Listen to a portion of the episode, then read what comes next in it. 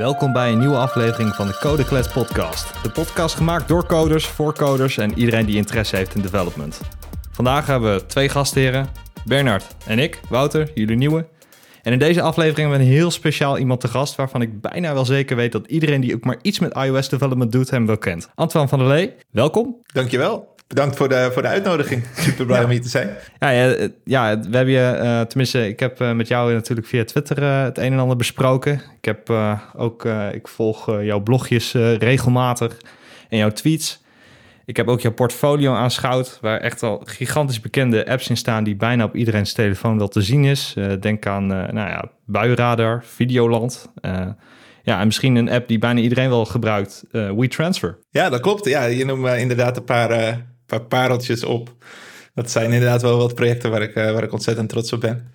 Waarbij ik denk, ik denk voor de Nederlanders, ja, Buienradar is natuurlijk het meest bekende. Waarbij het wel waard is om te zeggen dat uh, ik ben niet de oprichter van Buienradar. Ik heb het in opdracht van gemaakt.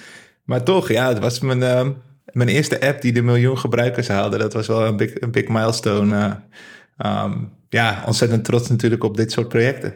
Ja, ik denk dat iedereen's ouders uh, hier uh, wel die app uh, een keer heeft gebruikt of geïnstalleerd heeft gehad of weet ik veel. Maar dan gaan we eigenlijk al iets te ver naar voren. Want hoe, hoe is het nou allemaal begonnen? Hoe ben je begonnen met programmeren? Dat is eigenlijk de vraag die we altijd aan iedere gast stellen die in onze podcast komt.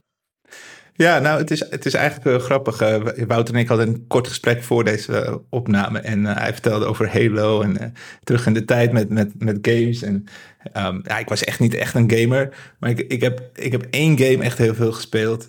Wolfenstein Enemy Territory. Geen idee of iemand het kent, maar... Um, destijds hadden we ook een clan. Dus hè, een, een, groep waarmee je samen wedstrijden speel, speelt in het spelletje. en daar ging ik een website voor maken. Want ja, als een clan zijn heb je een website. Dus nou, het was een uh, .tk-domein. Het was het enige domein wat je gratis kon krijgen. Dreamweaver was het volgens mij wat ik gebruikte. En uh, nou goed, echt een heel simpel, uh, simpel websiteje. Maar het zijn wel de, de roots van het programmeren, waar het eigenlijk allemaal startte voor mij. Tot de dag van vandaag zegt mijn moeder ook nog steeds. Jij bent zo ver gekomen doordat ik voor jou een computer heb gekocht, hè? Want hoe oud was je toen? Ik denk dat ik een jaar of 13, 14 was, dat ik echt begon te sleutelen. Ah, ja. En uh, het heeft eigenlijk niet, niet mega doorgezet. Ik heb ook een. Op een moment ben ik ingeschreven geweest voor accountancy. En toen had ik een Frans mondeling. Waar iemand in het Frans vertelde over een opleiding waarbij die websites moest gaan maken. En toen dacht ik van, nou ja, dat vind ik ook tof, weet je wel. Dus in het Nederlands achteraf, want in Frans, uh, je ne sais pas, maar verder kwam ik niet. Um, nou, hem gevraagd over die opleiding. Wat was uh, interactieve media destijds? Communication en multimedia design. Ja, en daar heb ik eigenlijk uh, het product ontwikkelen geleerd. En dan was het eigenlijk aan jezelf welke kant je echt op ging. Dus dat kon projectmanagement zijn of programmeren. Um, maar je, je, kreeg niet echt programmeerles. Het was geen IT-opleiding, ICT-opleiding. Maar goed, ja, daar, uh, heb ik het wel weer helemaal ontdekt. En ben ik echt uh, de diepte ingegaan met PHP. Eigen CMS gemaakt. Steeds meer stappen gemaakt. En dat was eigenlijk in de tijd dat... De iPhone die kwam net uit. Ik denk dat ik in uh, de eerste jaar zat van mijn HBO-opleiding... dat er een, iemand was met een iPhone. En die liet zien dat je met GPS over straat kon lopen. En je wist gewoon waar je was. Weet je, dat was ongekend op dat moment. Ja, op dat moment werd ik eigenlijk wel een soort van enthousiast van... Uh, hoe maak je daar nou mobiele apps voor? En toen kreeg ik de kans om een stage te lopen hier uh, in de buurt, in Horen. En daar begon het allemaal met um, Windows Phone. Bestaat uh, nog wel, denk ik. Ik weet het niet zeker. Het was, uh, het was een moedje, moet ik eerlijk zeggen. Um, ik dacht destijds, weet je, als ik, als ik meerdere platformen onder de knie heb, dan heb ik in ieder geval een goede kans op een baan, laat ik het zo zeggen. Maar goed, ja, ik was wel Apple-fan. Ook al had ik een Android. Mm -hmm. Ik kon gewoon Apple nog niet echt betalen. Maar ik was Apple-fan, dus ik dacht van nou, als ik nou voor mijn baan met iPhones mag werken, dan kan ik er toch een beetje mee spelen. En uh, ik denk dat daar de, echt uh, de start is, waar ik mijn scriptie heb gedaan op het uh, hacken van iPhones. Ja, want da daar had ik nog een vraag over, want we, hebben heel kort even naar je scriptie gekeken en we vonden het heel erg interessant hoe een multimedia design student een scriptie schrijft over de veiligheid van iOS. dat, dat klinkt toch echt een hardcore security gewoon. Ja, dat is eigenlijk wel een hele treffende vraag. Dat, dat, dat gaat mij nu ook een vraag opwekken van waarom, hoe ben ik er eigenlijk opgekomen om dit te doen? Ja, kijk, security is natuurlijk onderdeel van productontwikkeling. En ik weet dat ik destijds ook aan een ING-app werkte. Ehm, het was niet de ING-app, maar wel een bank-app waar security belangrijk was. Dus mijn uh, stagebedrijf had ook wel interesse in. Hè, Jailbreaker was toen nou, echt heel mhm. groot, nogal groter dan dat het nu is. Dat is wel wat minder groot geworden. Uh, jailbreaker, hè, dan, dan kan je eigenlijk apps buiten de App Store om installeren. En je kan de iPhone eigenlijk veel fancier maken dan het uh, bij default kan, kan geven. Um, dus ja, ik denk dat, dat daardoor eigenlijk een beetje de oorsprong is ontstaan. En ik had ook een boek over security op iPhone gevonden. En uh, die ben ik eigenlijk helemaal doorgegaan voor mijn scriptie. En ja, zo is het uit de hand gelopen project ontstaan. Want ja, ik ben wel aardig losgegaan destijds. En heb je toen ook dingen gevonden die nieuw waren? security issues? Nou, ehm, kijk, het interessante destijds was dat ik bestaande apps een soort van ging proberen te hacken. Ja, ja. Dus um, ik probeerde een Rabobank app te hacken. Ik heb de ING-app proberen te hacken. Uh ik ben nooit heel ver gekomen. En ik, ik heb eerlijk gezegd het boek gevolgd. Ik hoop, ik hoop niet dat mijn afstudeerleraren luisteren nu. Zijn nee, oh, nee, ja, nee, nee, maar die, die wisten het wel. Kijk, kijk, het volgen van een boek is één ding. Het, het in praktijk brengen is de tweede. En conclusies trekken is dan nog het derde natuurlijk. Dus nee, ik heb uh, zelf geen, geen doorbrekende dingen gevonden. Maar goed, ja, ik, ik was destijds wel in de mogelijkheid dat als ik jouw iPhone had... Um, kon ik wel je pincode achterhalen, wat destijds nog maar vier codes waren. Ja, Dat, dat, is 9999 pogingen en je bent er. Ja, um, ja dus ja, dat was, wel, dat was wel indrukwekkend voor een studiebegeleider, coach, die dus gefocust is op niet per se technische dingen, zeg maar. Ja, ja, ja. Oké. En, en, en, tijdens je onderzoek ben je dus eigenlijk een beetje erachter gekomen van... oké, ik, ik ontwerp iPhone-apps uh, uh, of de productontwikkelingzijde daarvan. Uh, en, uiteindelijk ben je dus zelf-development ingerold. Dat was dan denk ik Objective-C, of niet? Ja, dat was, was nog Objective-C voor de, voor de kenners. Het was net na um, Automatic Reference Counting. Dus memory management werd gelukkig een beetje voor me gedaan. Dat maakte het allemaal een stuk makkelijker. Dat scheelt, ja. Maar ja, nee, klopt. Um, ik ben um, in de gelukkige positie geweest om daar te mogen blijven werken. Um, bedrijf heet uh, Mirabo. super toffe plek, heel veel uh, leuke momenten gehad. En op een gegeven moment toch wel echt ja, de passie ontdekt voor het mobiele ontwikkelen. Waarbij Mirabo uh, destijds wel breder was dan alleen mobiel. dus het was niet vergelijkbaar met een, met een agency die echt dedicated mobiele apps aan het ontwikkelen was. Dus op een gegeven moment ben ik gewoon verder gaan kijken. En toen kwam ik een bedrijf in Alkmaar tegen. Dat heet uh, We Are Triple. Um, volledig gefocust op mobiele apps. Waaronder dus uh, partijen als RTL. Um, waar dus Videoland en Buienraden werden ontwikkeld. En ja, daar kwam ik in een soort van walhalla met gelijkgestemden die allemaal iOS-apps maakten. Ja. Um, ja, daar kon ik ontzettend veel leren en groeien natuurlijk. Dus daar is wel mijn echte journey gestart wat betreft het mobiele ontwikkelen. En met hoeveel mensen zat je daar uh, ongeveer? Voor mijn beeld? Um, ik denk op het piekpunt. Um, ik ben daar gegroeid van, van junior naar senior en uiteindelijk wel een soort van teamlead. Mm um, en ik denk dat ik op het piekpunt wel een mannetje of tien, uh, dames en, vrouwen, uh, en mannen trouwens, om het correct te zeggen. ja, een groep van 10, 11 developers op iOS only. En dan hadden we ook nog een hele groep met Android ontwikkelaars. Oké. En werkte die in teams of waren 1, 2, 3, 4 had je daar uh, ideale projectsamenstellingen voor? Of? Nou, um, ja, dit is eigenlijk al meteen een bruggetje naar waarom ik naar WeTransfer ben gegaan. Maar okay. bij, bij Triple waren het... Uh, ja, kijk, het is, een, het is een agency waarbij je vaak als uh, enige ontwikkelaar per platform op een project wordt gezet. Ja. En uh, het biedt heel veel voordelen. Want je kan eigenlijk zelf bepalen hoe je project opzet. Ja. Of je, je moet het zelf bepalen. Natuurlijk heb je wel sync meetings waarbij je met elkaar overlegt. Maar uiteindelijk ben jij degene die het echt bouwt. Um, er zit een tijd pressure op. Hè? Je, de klant betaalt voor een aantal uren. Je moet je uren ook bijhouden. Dus uiteindelijk um, bouw je wel apps, maar ik weet gewoon nog van, van destijds dat ik een bepaalde project had ik afgemaakt. En toen wist ik eigenlijk alweer van, oh, nu weet ik eigenlijk pas hoe ik het echt had moeten bouwen. Dus Ja. eh, elk volgend project begon ik weer heel anders. En leerde ik nog weer veel meer. Waar uiteindelijk, ehm, kijk, dat, ik- dat ik daar begon, begon ik natuurlijk niet met, met een Videoland app. Ik heb de Voice Kids heb ik gedaan. Dat was mijn eerste grote project. Uh, Marco Bassato app, ook wel een grappige. Ehm, Ja, ja, goed. that did not age well. ja, ja, nou goed. Ehm, van een technisch perspectief was het echt een leuk project. Het zag er goed uit en eh, het was een leuke uitdaging. Ehm, maar goed, ja, je, je leert daar super snel als, als, als een junior, omdat er gewoon heel veel projecten achter elkaar komen. Ehm, en je ook de kans hebt om je fouten in een nieuw project ehm, ja, beter te doen, als het ware. Dus daar ben ik wel heel erg gegroeid. Maar ik kreeg nooit code reviews bijvoorbeeld. Dat, daar be- begonnen we eigenlijk pas mee. We gebruikten heel veel third-party libraries. Dus eigenlijk code van anderen die maakten we heel... Ja, dat, dat zorgt er natuurlijk voor dat je veel sneller ontwikkelt. Ja. Ehm, ja, dat is heel anders dan, eh, dan dat je bij een productcompany werkt. En waarom heb je daarvoor gekozen?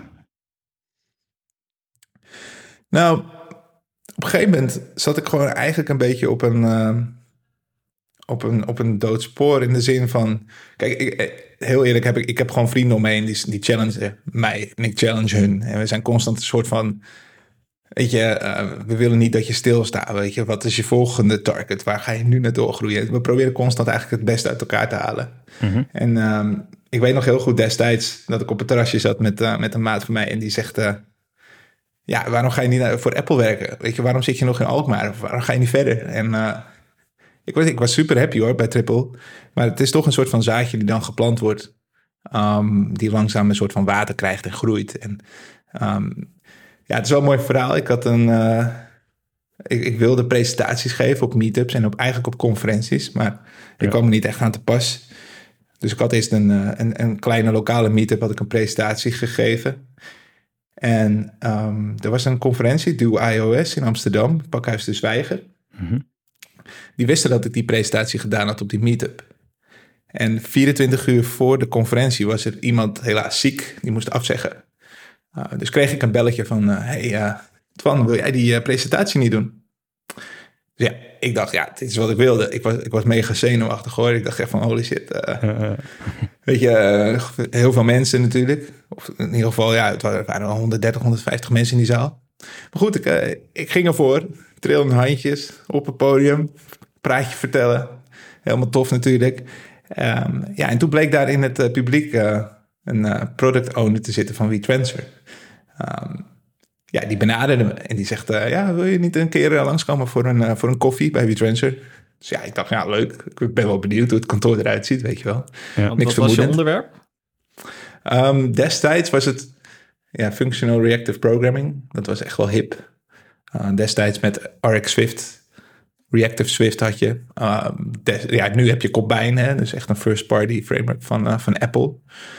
Um, maar ja, dat was, dat was een van die projecten. In Buiraden ben ik helemaal losgegaan met, met Functional Reactive Programming. En ja, ik was een soort van uh, advocate voor Functional Reactive Programming. Iedereen ja. moet het doen. Het is echt een next big thing, weet je wel.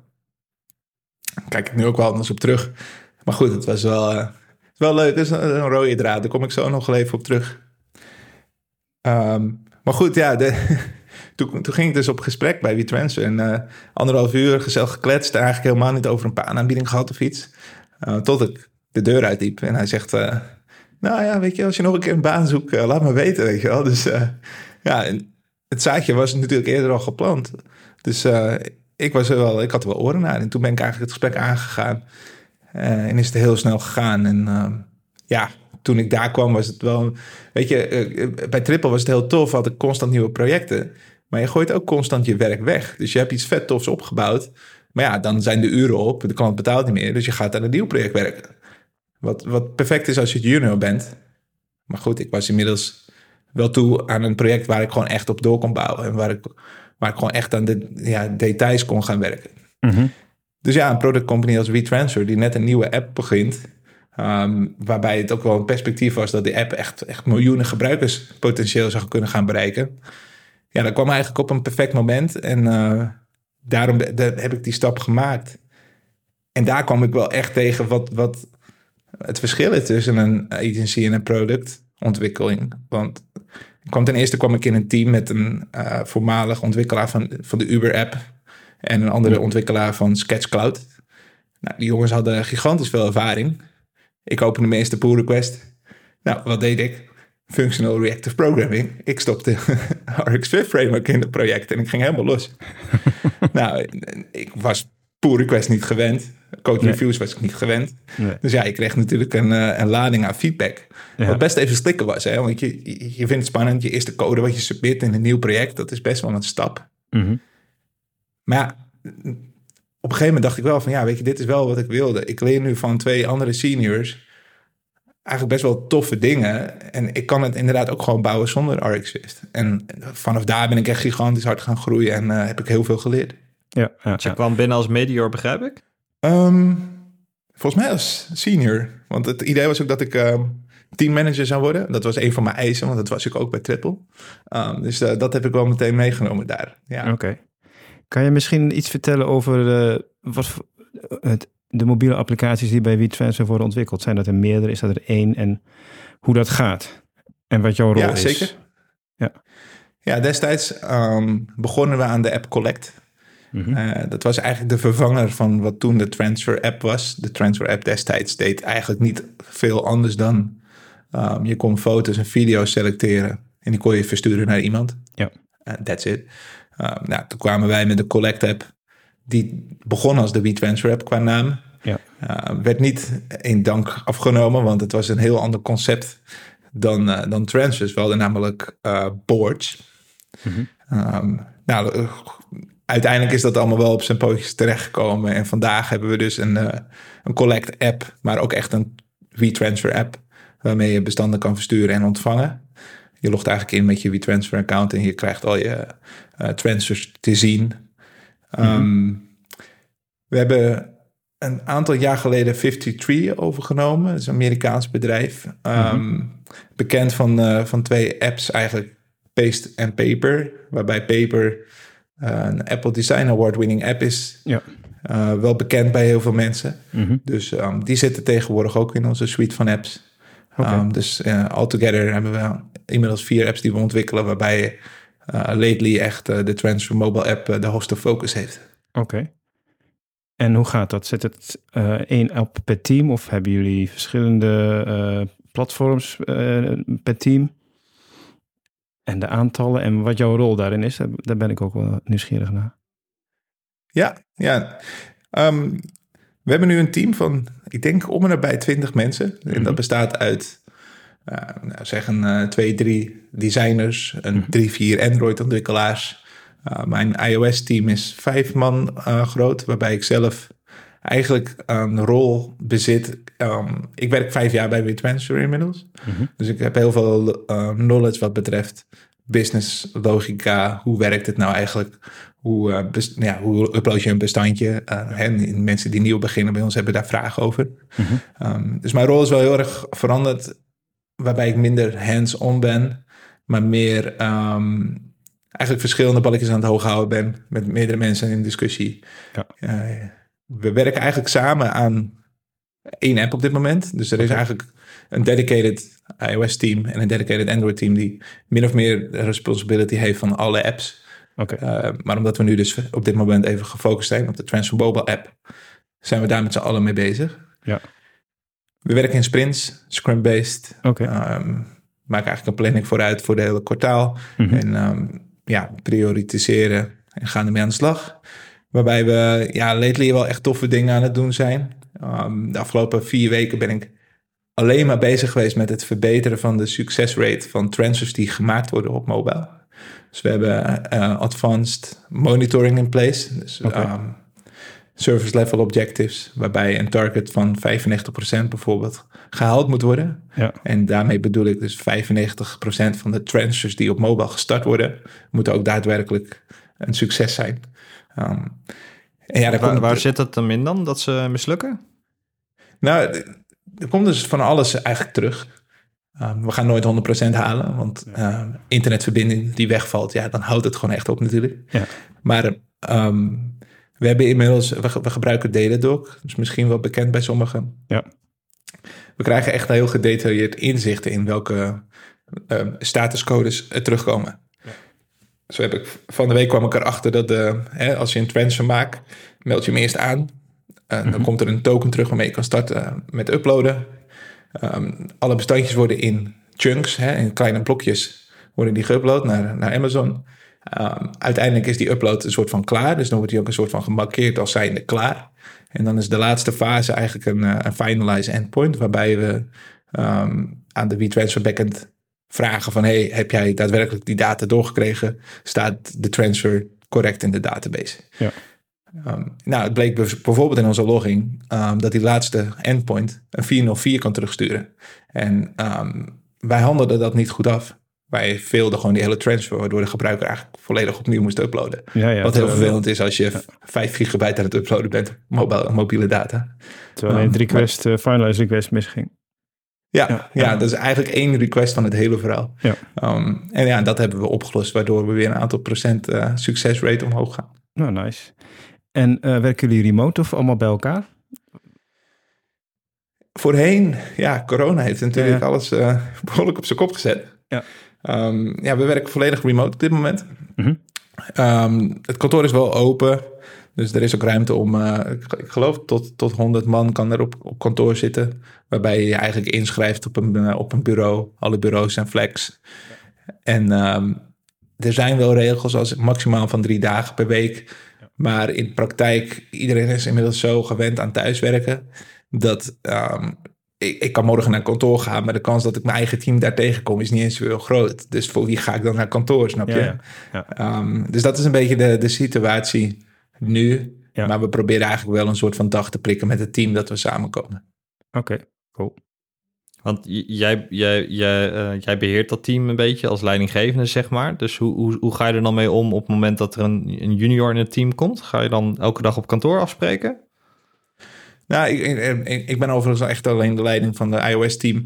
Ehm, en doordat ik staff level ben, heb je ook een soort van vinger in de pap op andere gebieden. Maar ehm, het, is, het is zeker niet dat ik eh, de enige ben die eh, het team leidt. Ehm, we hebben nog wat product owners en product managers die, eh, die, die dat gedeeld samen met mij doen. Ja, juniors, mediors, maar ook seniors die nieuw starten. Wij pakken dat eigenlijk aan op een manier dat we regelmatig inchecken met elkaar. Um, WeTransfer heeft sowieso een heel onboarding proces waarbij eigenlijk het bedrijfscultuur wordt uitgelegd. Um, iemand van elk team komt langs in een meeting om te vertellen over de producten, hoe we de producten ontwikkelen. Um, als, ik, als ik met een nieuwe collega aan de gang ga, dan zorg ik dat ik eigenlijk een soort van inleiding geef tot het project. Deels uh, synchronous, deels async. Dus we hebben heel veel documentatie. Um, er staat veel op Notion, allemaal uitleg over uh, hoe het project werkt. Hoe je het project kan uitchecken en zorgen dat het project eigenlijk bouwt meteen. Eigenlijk heel veel uh, um, ja, common questions worden daar al beantwoord. Ja. En um, mijn, mijn tactiek is eigenlijk vaak om een soort van... Ja, ofwel een bug of een soort van kleine UI-change als taak te geven aan die persoon. En, en ook geen uh, taken die echt pressure hebben, weet je. Um, ik ga natuurlijk niet iemand die net begint vragen iets te bouwen... wat volgende week echt in de App Store moet staan. Dat zou ja, gewoon niet echt leuk en eerlijk zijn. Ja, en met die taken kan hij eigenlijk een soort van door het project heen gaan zoeken... rustig aan zijn tijd nemen... Um, de eerste pull request die die opent is dan ook niet zo, zo bedrukkend. Weet je, als je alleen een kleur moet aanpassen van een krop, bij wijze van spreken, dan uh, ja, is dat natuurlijk veel fijner dan dat je meteen uh, business logica moet gaan aanpassen.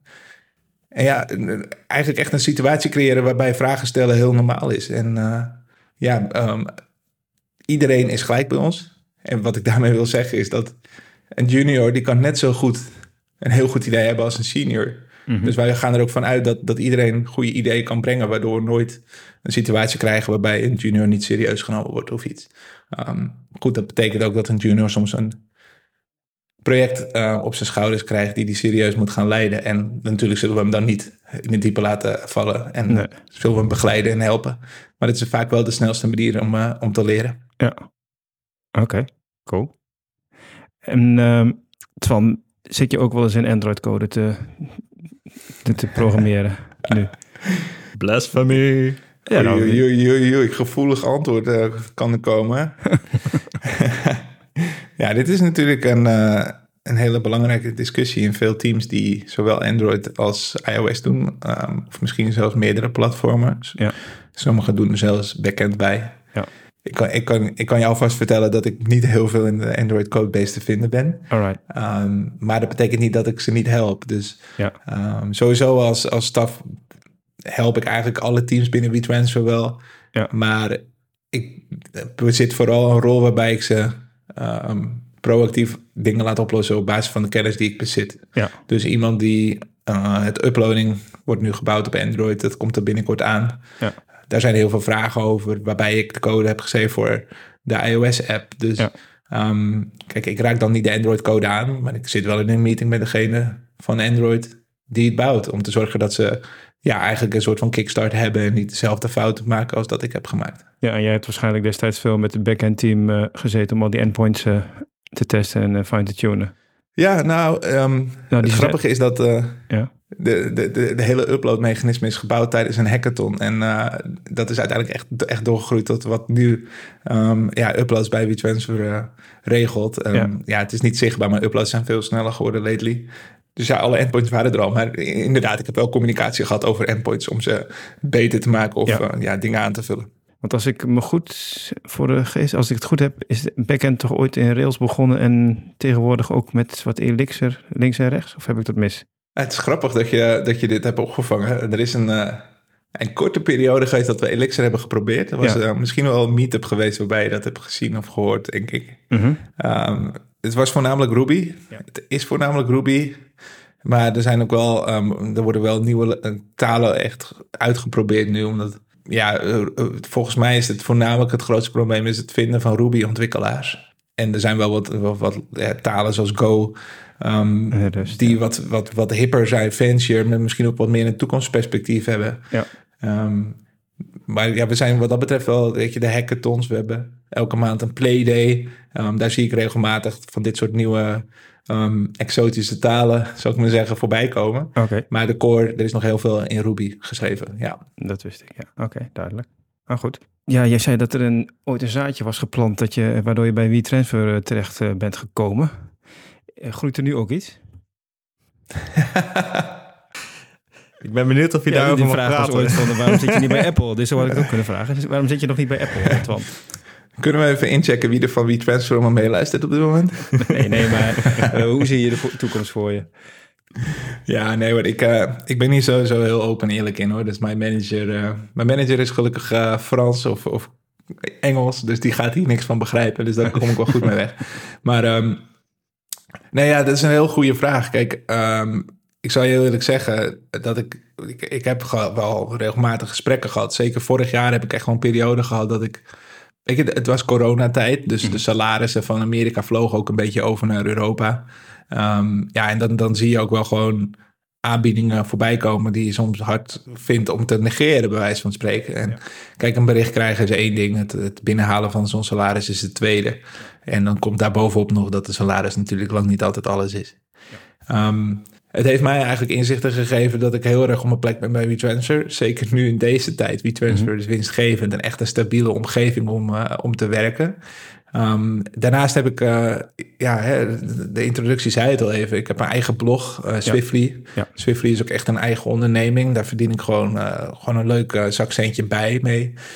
Ja, dat is inmiddels zo serieus geworden dat ik daar eigenlijk meer mijn focus op, op, op leg. En als ik nou moet zeggen, waar wil ik staan over tien jaar? Of misschien wel, als het goed gaat, over vijf jaar. Of misschien wel over drie jaar. Ik ben heel erg bezig om Swiftly uit te bouwen tot een, eh, re- ja, eigenlijk een recurring income. Waar ik Mhm. op, op, op verder kan bouwen. Ehm, dat doe ik in combinatie met een, een newsletter die groeit. Ik krijg sponsorships daarop. Hè. Mhm. Ik heb inmiddels meer dan 10.000 volgers op die newsletter.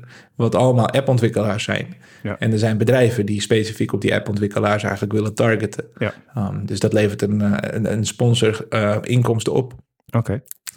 Daarnaast heb ik twee, eh, twee apps. Eén daarvan is Rocket Sim. Het is eigenlijk een uh, ontwikkelaarstool waarbij je de iOS simulator op je, op je MacBook um, ja, eigenlijk geavanceerder kan maken. Mhm. Nou, die begint nu aardig door te groeien.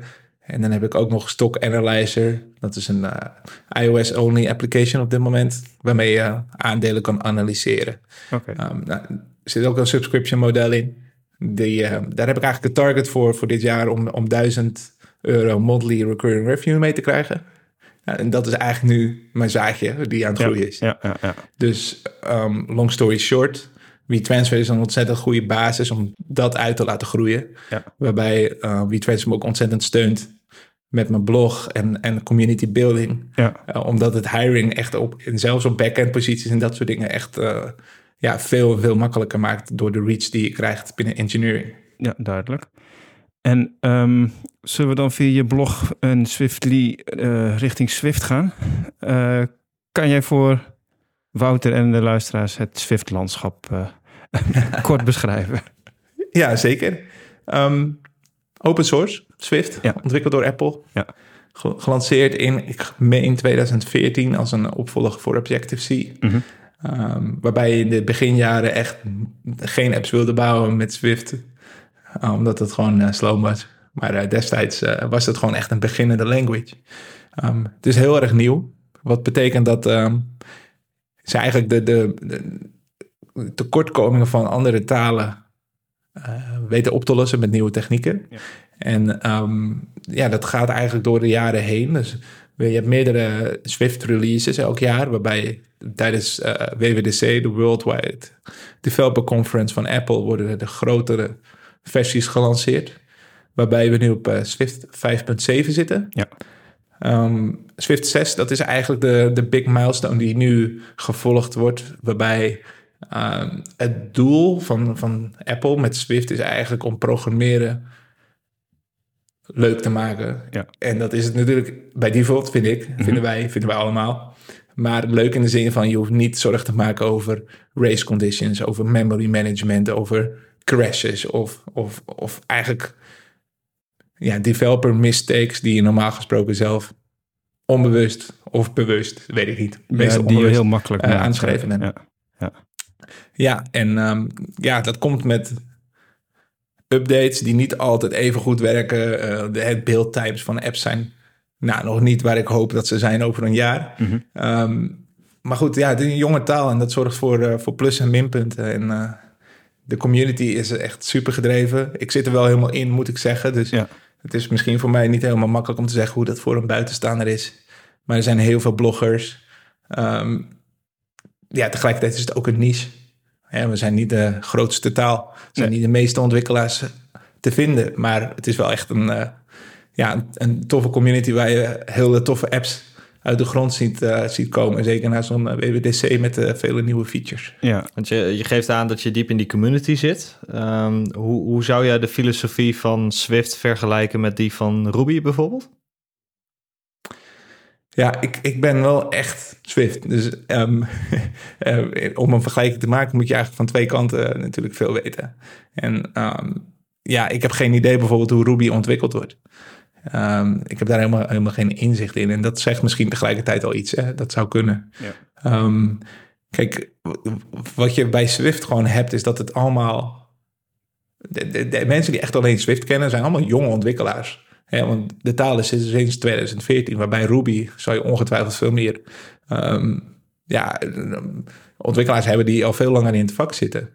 Um, dus ja, nogmaals, ik, ik vind het moeilijk om de vergelijking te maken, omdat ik een beetje ervaring mis wat betreft Ja, het Ruby-landschap. Ja, ik kan daar niet een klein beetje over zeggen. Ik, wat ik fijn vind aan Ruby is dat uh, de ontwikkelaar uh, Mats uh, Matsumoto Ruby heeft ontwikkeld om de programmer happiness te bevorderen. Je wordt gewoon blij als je in Ruby programmeert. Dat wilde hij bereiken. En ik, word altijd blij als ik in Ruby programmeer. Dus wat dat betreft is het gelukt. Je moet, uh, ik moet weinig typen en het is allemaal heel logisch. En dat gevoel krijg ik bij de nieuwe Swift dingen ook een beetje, moet ik zeggen hoor. De nieuwe aanpassingen en uh, hoe het allemaal opgezet is, dat is toch veel beter, veel fijner dan Objective-C, waar ik ook nog vaak in zit te, te hakken. Ja. Ja, en, en, en hier zeg je op zich wel wat grappigs. Want um, als je vandaag met Swift begint, ja. Dan heb je zeg maar niet al een oude manier van werken. Swift is heel snel ontwikkeld. Er zijn heel veel dingen veranderd. Ja. Maar dat betekent ook dat eh, er is dus bijvoorbeeld heel veel veranderd in concurrency. Dus eh, asynchronous code schrijven. Dat is nu eigenlijk veel logischer geworden met structured concurrency. Wat eigenlijk betekent dat het lijkt alsof je gestructureerde code van boven naar beneden schrijft. Maar Ja. het is daadwerkelijk als het eh, uitgevoerd wordt asynchroon. En dat, dat wordt dan gedaan door async await, wat ook wel bekend is van JavaScript, geloof ik. Ehm, voor mij als eh, ontwikkelaar met wat meerdere jaren Swift-ervaring was het best wel een, een mindset change, omdat ik het gewend ben om met closures te doen, hè, op een andere manier te schrijven. ja. Waarbij als je fresh begint, dan heb je die, ehm, ja, die learning curve om het ouderwetse manier van schrijven te vergeten, heb je niet. Dus ergens kan het best nog wel eens zijn dat als je vandaag begint met schrijven eh, van Swift, dat het, dat het een stuk makkelijker is. Ja, ja, ik herken wel een beetje wat je zegt. Eh, ik ben oorspronkelijk begonnen met Swift UI. Eh, dat werd mij aangeraden. Het is nieuw, het is hot. Eh, het is eh, ja, onze heer en redder Paul Hudson eh, die, die iedereen daarmee neemt op sleeptouw, zeg maar. Ja, En ehm, nou ja, uiteindelijk is er ook gewoon nog heel veel UI-kit eh, in de markt. En eh, nou, de eerste keer dat ik een UI-kit app ging maken, nou, ik wist niet wat ik meemaakte, joh. Ja, ik denk, ik denk dat het wel goed is om uit te leggen voor de luisteraars die niet bekend zijn met Swift UI en UIKit. U- UIKit is eigenlijk van oorsprong de manier uh, om apps te bouwen. Het is eigenlijk gewoon een, een, framework waarbij alle UI-componenten beschikbaar zijn om apps te bouwen. Um, Swift UI is een laag daarbovenop, een declaratieve laag. Dus, dus je schrijft eigenlijk um, wat je wilt hebben. Bijvoorbeeld, ik wil een label, maar Swift bepaalt hoe dat label uh, getekend wordt. En op een zo geoptimaliseerde mogelijke manier. Lijkt een beetje op React Native, waarbij er dan uiteindelijk iOS-code uitkomt of Android-code. Um, declaratief. Veel makkelijker begrijpbaar. Het is, het is bijna gewoon leesbaar. En je ziet gewoon eigenlijk letterlijk de structuur van, van, van de UI uh, op je scherm. Daarom is het ook heel declaratief omschrijvend. Um, ja, als je nu begint, Swift UI is nog jonger dan Swift. Het is drie jaar oud, geloof ik. Um, het is heel beperkt. Zeker als je oudere iOS-versies nog moet ondersteunen, heb je gewoon heel veel beperkingen die je niet alleen met Swift UI kan oplossen. Ja. Dus als je vandaag begint als een junior, moet je opeens ook UI-kit-code gaan schrijven. Wat echt wel een hele andere manier van schrijven is dan uh, Swift UI. Uh, en dat maakt het nog wel eens lastiger voor een junior die net begint met het bouwen van Swift-apps. Uh, ja, om, om helemaal up to speed te komen. Laat staan als je ook nog eens een project tegenkomt met Objective-C. Dan wordt het natuurlijk helemaal een, uh, ja, een festijn van verschillende talen en, en structuren. Ja. Want welke architectuur schrijf jij bij voorkeur in? soms hoor ik heel veel over Clean Swift bijvoorbeeld. NVWM, MVC. dus de Model View Model en de Model View Controller paradigma's. Ja. Hoe, hoe sta jij daarin?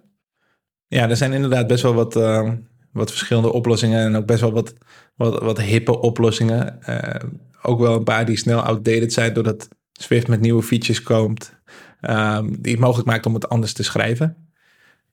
Bij WeTransfer hebben we eigenlijk een soort van approach dat we gebruiken wat meest logisch is in de situatie. Waarbij we wel een soort van een structuur door het project heen willen. Dus we gaan niet opeens um, ja, MVVM daar gebruiken en dan gebruiken we een heel ander patroon op een andere plek. Maar tegelijkertijd MVVM, hè, dan creëer je eigenlijk een view model voor je view. Soms heb je zo'n simpele view dat een view model een soort van ja, Niks te veel is voor wat je aan het doen bent. Ja. Dus dan vinden we het ook gewoon prima als je het niet doet. Dus er is wel consistentie door het project heen. Dus we hebben wel een soort van basis van deze technieken willen we gebruiken. Maar het is niet een soort van must wat dat betreft. En je eigen voorkeur? Nou, als ik kijk naar... Um, ik heb eigenlijk twee apps, hè. Dus ik heb RocketSim en ik heb Stock Analyzer. RocketSim is AppKit. Ja. AppKit is eigenlijk de UI-kit versie, maar dan voor macOS. En op, op macOS is Swift UI nog veel verder uh, op achterstand. Dus daar heb ik wel een combinatie van, van die twee... waarbij ik eigenlijk wel dezelfde technieken als WeTransfer gebruik. Dus ook wel MVVM, um, een coordinator pattern voor navigatie... Stock Analyzer daartegen heb pas, ben ik pas begonnen dit jaar in januari. is volledig Swift UI. Mm-hmm. Dus daar komt ook qua navigatie alleen Swift UI aan te pas. Bijna geen UI-kit. Okay. Dus daar heb ik geen coördinators. Heb ik eigenlijk alleen een MVVM op plekken. Uh, wat het ook ma makkelijker maakt om logica te testen. Met Swift UI bijvoorbeeld. Ja. Oké. Gaaf man. Want heb, je, heb je nou nooit, laat me zeggen, een, een, een ander ecosysteem verkend naast die van Apple? Want je, zit nu zo diep in, in, in Apple dat ik me best wel kan voorstellen dat je soms denkt van joh, ik ga Flutter eens een keer proberen. Iets wat nog redelijk dicht in de buurt kan liggen, aangezien het toch wel kan compileren naar iOS. Maar ook de Android kant biedt. Ja, het zit, het zit niet in mijn karakter. Eh, ik, ik zou er echt heel ongelukkig van worden, zelfs al zou ik flutten moeten gaan doen. Maar nee, kijk, als, als ik terugkijk, het is een patroon in mijn leven. Ik heb een scooter gehad, die moest zo mooi mogelijk worden. Helemaal getuned, helemaal top. Ik heb op een, eh, op een, op een rare zondag nog eens een keertje gedart. Nou, ik moest helemaal de beste darter worden. Ik ging er helemaal, helemaal op los. Ehm, dat heb ik nu eigenlijk ook. Ik wil gewoon Swift doen en ik wil daar helemaal perfect en, en top in worden. En ik geloof er ook eigenlijk niet in dat je goed kan zijn in meerdere talen. Als in, je kan wel goed zijn in meerdere talen, maar echt gespecialiseerd kan je maar in één taal zijn. is mijn perspectief er een beetje op. En dat kost al genoeg tijd. Bijblijven met Swift, alle technieken echt onder de knie krijgen. Dat kost gewoon echt heel veel tijd. En zeker als je al die hobbyprojecten de, die, ik, die ik erbij heb er ook nog allemaal bij wil doen. Ja, dan kan ik niet ook nog eens een keer gaan hobbyen met, met, met Flutter. En goed, dat, dat is mijn manier hoe ik er naar kijk. Ik weet dat er genoeg zijn die dit wel doen hoor. En eh, dat is ook helemaal, helemaal top en helemaal goed natuurlijk. Maar ehm, nee, er wordt nooit wat getriggerd bij mij om, eh, om daar naar te gaan kijken. Want eh, eh, doe je ook wat met Vapor bijvoorbeeld? Vapor Swift, dat eh, framework is ja, voor backend applicaties bijvoorbeeld. Ja, kijk, dat is, dat is dan natuurlijk anders. Dan zou ik morgen mijnzelfde app ook op Android kunnen lanceren met Swift. Dan blijf ik in het ecosysteem van Swift. Dus Vapor, wat je opnoemt inderdaad, is voor Swift on the server. Eigenlijk een framework die alles wat je nodig hebt voor een backend server makkelijker maakt. Ja, dat, dat is wel iets wat ik interessant vind. Alleen, ehm, ja, ik heb nog niet de need gehad om het te doen. Rocket Sim eh, heeft geen backend. En Stock Analyzer heeft een backend die eigenlijk eh, gemaakt wordt. Ik gebruik gewoon een publieke API waar ik voor betaal. Dus ehm, ja, nee, ik heb de niet nog niet gehad. Maar dit zijn wel veel, veel meer interessante projecten waar ik misschien wel eens een keer naar wil kijken. Ik kan me ook wel voorstellen dat de belangrijkste API's, die, die hebben of eh, een first party of een third party eh, eh, oplossing daarvoor. Want wat is nou bijvoorbeeld een voorbeeld van een iOS API die je heel sterk en onderscheidend vindt? Qua, qua een SDK bedoel je, qua code bijvoorbeeld? Laatst met eh, eh, de WWDC hebben ze bijvoorbeeld die nieuwe Navigation API gepubliceerd. Hoe, hoe, ja, heb je een voorbeeld van een API die, die jouw voorkeur heeft, waarvan jij denkt van, joh, die vind ik echt sterk en onderscheidend. Dit, dit is waarom ik Swift schrijf. Ja, ik denk, ik denk dat het dan eigenlijk in het algemeen gewoon de combinatie van Swift en Swift UI is voor mij. Maar zeker, kijk, voor mij als ontwikkelaar, ik weet gewoon dat er nieuwe versies komen van Swift. En dat het doel wat ze stellen met Swift, het makkelijker maken van, van apps en dergelijke. Ik word er gewoon onwijs uh, gemotiveerd van. Ik, ik vind het gewoon super tof waar, waar het naartoe gaat. Async Await was, was echt een grote release vorig jaar. Daar heb ik echt naar uitgekeken, want dat was al twee, drie jaar bekend dat dat zou komen de manier van, van app schrijven, ja, dat past gewoon heel erg bij, bij wat ik gewend ben natuurlijk. Maar wat ik ook gewoon heel fijn vind van het schrijven van apps. Um, want ik, ik bouw nog steeds wel eens websites hè, voor, voor mijn sideproject, uh, side projects. Dan kom ik in PHP of HTML. Ja, dan ben ik gewoon weer blij als ik weer terug kan gaan naar Xcode en weer lekker Swift en Swift UI kan gebruiken. Maar um, ja, er zijn wel echt toffe announcements geweest hoor. Uh, misschien heb je Room API wel voorbij zien komen op Twitter. Waarbij je eigenlijk je hele kamer, kamer kan scannen en een 3D-model uh, eruit krijgt. En vervolgens uh, kan je daar uiteindelijk misschien meubels in zetten en dat soort dingen allemaal. Mm -hmm. Het is wel duidelijk dat, dat Apple echt aan het werk is richting uh, augmented reality. Ja. En mogelijk iets van een Apple Glass of ja, geen idee hoe die gaat heten. ja, dat is wel tof om te zien waar dat naartoe gaat. Ja, volgens mij AR-kit heet dat volgens mij. Ja, ja klopt. AR-kit, Room API en zo heb je nog wel wat... Uh, ja, CoreML voor machine learning, wat ook ja, best, best wel makkelijk is om te gebruiken relatief gezien. Hè, want CoreML machine learning is niet altijd het meest makkelijke. Ja, Apple doet echt wel toffe dingen in dat, uh, dat gebied. Heb, heb je daar ervaring mee met die uh, machine learning? In deze specifieke... Ja, wat, uh, wat ik wel eens gedaan heb. Je hebt een framework, dat, dat heet het, het Vision Framework. Um, waar je mee, als je foto's hebt bijvoorbeeld... Mm -hmm dan kan je eigenlijk heel snel data eruit krijgen. Of er een hond op te zien is, of, of een kat. Of allemaal dat soort uh, ja. Ja, tags kan je eruit halen. Ja. En op een hackathon heb ik dat wel eens gebruikt voor de Collect app. Mm -hmm. Waarbij je eigenlijk een board, title, eh, ja, als suggestie kreeg. Dus als ik zie dat jij vijf foto's van een hond uploadt, dan geef ik als een suggestie de titel hond bewijs van. Ja. Maar ook het zoeken naar bestanden. Ja, ja. Hè, op je iPhone kan je zoeken op hond en dan krijg je alle foto's van je hond. Ja. Ehm, dat kan je ook inbouwen in je eigen app. Dat, dat moet je echt zelf inbouwen. Dat gaat niet, eh, niet standaard. Nee, dus daar nee. heb ik wel, eh, wel mee gespeeld. Ja, ja, ja. Oh, grappig. En ehm, wat doe je met je eigen apps? Wanneer ga jij naar eh, de nieuwe iOS? Gebruik je alle beta's van tevoren? Bereid je het voor? Of wacht je op een, tot die officieel is? Nou, toevallig ehm, heb ik vandaag mijn iPhone uh, geüpdate naar iOS 16. Ja. Publieke beta is er. Ja. Ik eh, was wel meteen geüpdate met mijn, eh, met mijn testdevice naar iOS 16 Ja. om de apps te testen. Je moet toch een beetje weten waar je staat. Ja. Tegelijkertijd werkt het ook zo. ehm, Apple op dit moment, hè, ze hebben verschillende developer evangelists. Ja. Dat zijn eigenlijk eh, ja, contactpersonen die vragen of jij de hot nieuw frameworks aan het implementeren bent voor jouw app. Want als dat zo is, dan heb je kans dat je gefeatured wordt in de App Store. Oké. Dus zometeen in september wordt iOS 16 officieel gelanceerd. Ja. En dan zal je zien dat op de homepagina van de App Store heel veel apps staan die zeggen eh, shared with you. Ja. Of eh, collaboration in messages. Ja. eh, lock, lock screen widgets. Ja. Ehm, en op dit moment ben ik mijn, mijn Stock Analyzer app echt daarop aan het voorbereiden. Dus ik ben verschillende features aan het inbouwen. Mhm. Waarmee ik eigenlijk hoop op die boot te kunnen gaan stappen. Wat betreft featuring met iOS 16. Oké. Dus jij komt met vette widgets straks. Nou ja, dat is, eh, ja, ik ben toevallig vandaag ben ik, eh, begonnen, of heb ik het afgerond, het Shared With You. Dat betekent eigenlijk dat als jij, ehm, het werkt in de Music app al een tijdje, dus als jij een album deelt met iemand op Messages, dan kan het wel eens gebeuren dat je dan vergeet die, dat album echt te openen. Nou, als je dan de Music app opent, dan zie je daar Shared With You. Dus eigenlijk iets wat eerder met jou gedeeld is in Messages. Ja. En dan kan je dat album alsnog afspelen op dat moment. Oké. Nou, dat heb ik net, net afgerond. Dus dat is mijn eerste iOS 16 feature. Waarmee ik al hopelijk een ticket op die boot heb. Ja, ja. Maar het volgende zal inderdaad eh, widgets zijn. Wat ook gewoon, gewoon tof is om te bouwen. Ik ben wel benieuwd hoe dat, eh, hoe dat er weer aan toe gaat. Ja. Ik heb dan het idee dat je een beetje achter Apple aanloopt om de features toe te voegen die misschien niet voor jouw product het fijnste zijn, maar meer om eh, in de aandacht te komen. Is dat dan op de lange termijn ook eh, verstandig? Ja, dat, is een, dat is een heel goed punt. Ja. Kijk, het werkt natuurlijk twee kanten op. Hè? Want aan de ene kant weet ik dat ik eh, Apple een soort van please. Ja.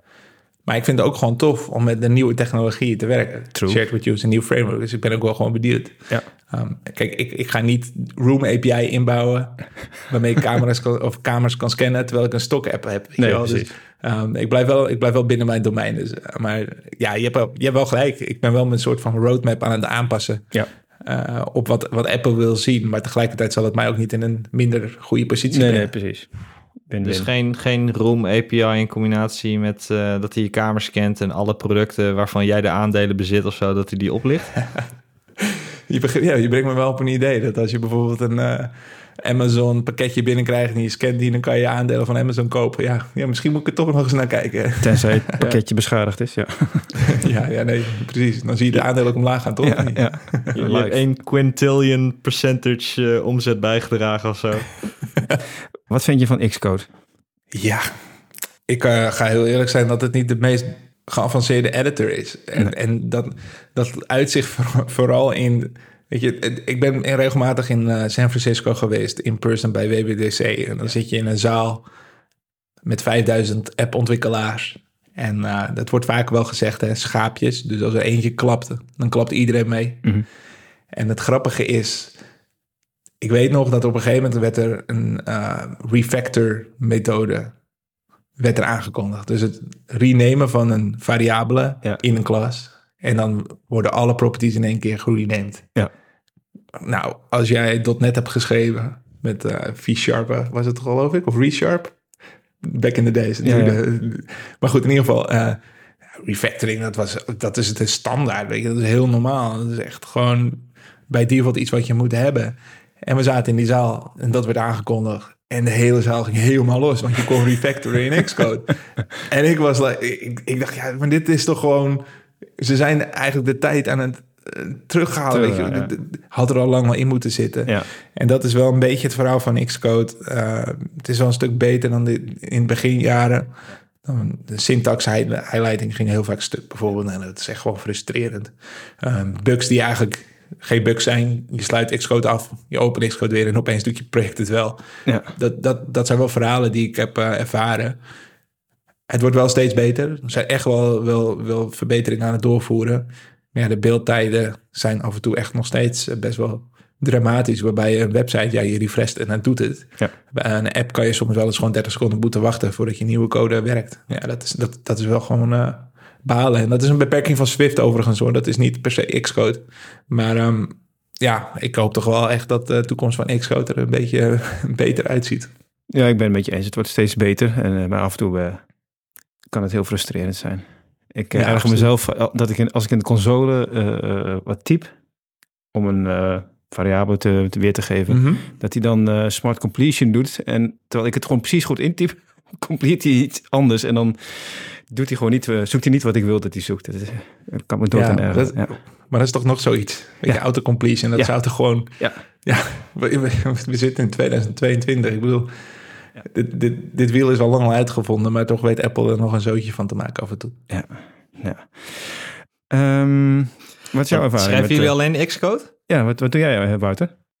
Ja, ik, ik schrijf Xcode. Ik, ik deed eerst altijd alles in eh, VS Code. Dus Visual Studio Code, zeg Mhm. maar. Dat, eh, ja, eh, zelfs wanneer het eh, niet logisch was, kon je door middel van modules, et cetera, en add-ons, kon je het zo omklussen dat het wel werkbaar was. Mhm. Ja. En met Swift heb ik het geprobeerd. In ieder geval, je, je, je kan natuurlijk printen en dat gaat allemaal prima. Ehm, maar ja, testen, dat is, dat is bijna onmogelijk. Je hebt gewoon die, die test suite heb je gewoon nodig van, van, van Apple wat dat betreft uit Xcode. Ja, en, en tenzij je appcode gebruikt... ehm, VS Code gebruikt onderliggend dezelfde technieken die Xcode ook gebruikt. Dus de plugins die beschikbaar zijn voor VS Code... gebruiken dezelfde syntax highlighter en SourceKit eh, logica als het ware. Dus waarschijnlijk kom je daar min of meer dezelfde dingen tegen... tenzij Xcode qua performance natuurlijk achterloopt op VS Code... wat nog wel eens een ding is. Het, het werkte Ehm. prima, maar op het moment dat jij je UI wil laden, dan, ja, dan werkt het niet. Nee, nee, nee Eh, ik weet niet of dat ondertussen aangepast is. En mocht er een luisteraar zijn die het wel op een juiste manier werkend heeft, eh, alsjeblieft stuur wat in. Ehm, ik heb ook gelezen over de JetBrains IDE, maar daar hoor ik eigenlijk niemand over. Ja, nee, dat is echt wel een populair alternatief. JetBrains loopt gewoon echt voor op Xcode wat betreft eh, refactoring. Dat is wel echt een, echt een groot pluspunt om, om JetBrains appcode te gebruiken. Maar ze lopen altijd achter. Dat is gewoon het nadeel. Want zeker met zo'n WWDC, dan komen er nieuwe features en dergelijke. Ja, dat zit dan in Xcode. En dan moeten hun eigenlijk pas beginnen met development om het allemaal weer bij te klussen. Dus Ja. je loopt, eh, je loopt soms wel eens achter de feiten aan. En voor mij is dat eh, genoeg reden om binnen Xcode te blijven. Je kan het wel ook niet begrijpen hoor. zo erg. Als je al die eh, nieuwe eh, libraries en eh, modules moet gaan ondersteunen, ook vanuit Xcode, of, daaronder liggend, ja dan. En als Xcode het zelf voldoende goed doet, waarom, waarom niet? Ja. Ja, Kan ik me ook wel voorstellen dat je dan liever gewoon dealt met de, ja, de duivel die je kent, zeg maar. Ja, ja, ja. ja precies.